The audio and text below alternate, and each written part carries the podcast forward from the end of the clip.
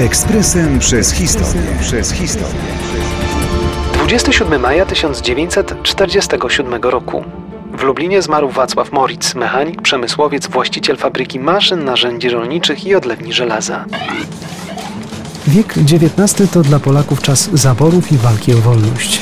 To także okres dynamicznego rozwoju gospodarki. Lubelszczyzna należała do regionów rolniczych, dlatego oprócz browarów, młynów czy cukrowni powstawały tu zakłady maszyn i narzędzi rolniczych. Prekursorami byli Szkoci i Niemcy, wśród nich Robert i Wacław Moricowie. Zbudowana przez Wacława fabryka maszyn, narzędzi rolniczych i odlewnia żelaza w Lublinie nie przetrwała do naszych czasów. Wacław Moritz urodził się 20 września 1865 roku w Lublinie w rodzinie polsko-niemieckiej. Ojciec był Niemcem przybyłym z Poznania, matka zaś wywodziła się z Lubowickich. Wacław rozpoczął naukę w rosyjskim gimnazjum przy ulicy Namiestnikowskiej w Lublinie.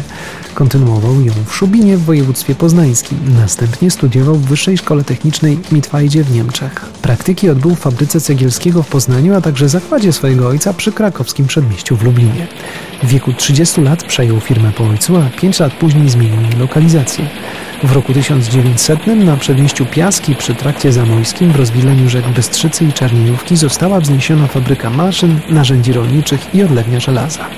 Nowe obiekty fabryczne zbudowano z czerwonej cegły. Zakład posiadał nowoczesne oddziały mechaniczny, stolarski oraz kuźni, a po dwóch latach także odlewnie żelaza. Do wybuchu I wojny światowej funkcjonował wzorowo, a nadprodukcja była niemal normą.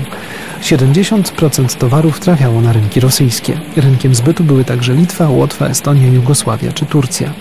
W najlepszym okresie zatrudniano ponad 300 robotników. Pasmo sukcesów przerwała pierwsza wojna, na skutek czego Moritz zawiesił działalność. W niepodległej już Polsce zakład stał się częścią kartelu Zjednoczenie Polskich Fabryk Maszyn i Narzędzi Rolniczych SA w Warszawie. Jednak kryzys lat 30. spowodował upadłość firmy. W roku 37 zabudowania i wyposażenie przejęła spółka Lubelska Fabryka Maszyn i Narzędzi Rolniczych Plon z siedzibą w Warszawie. Moritz pełnił w niej jedynie funkcję kierownika technicznego. W czasie II wojny światowej fabryka została objęta przymusowym zarządem niemieckim, a po wojnie upaństwowiona. Moritz zmarł w maju 1947 roku, zanim połączono jego zakład z fabryką maszyn Wolskiego. Był nie tylko przemysłowcem.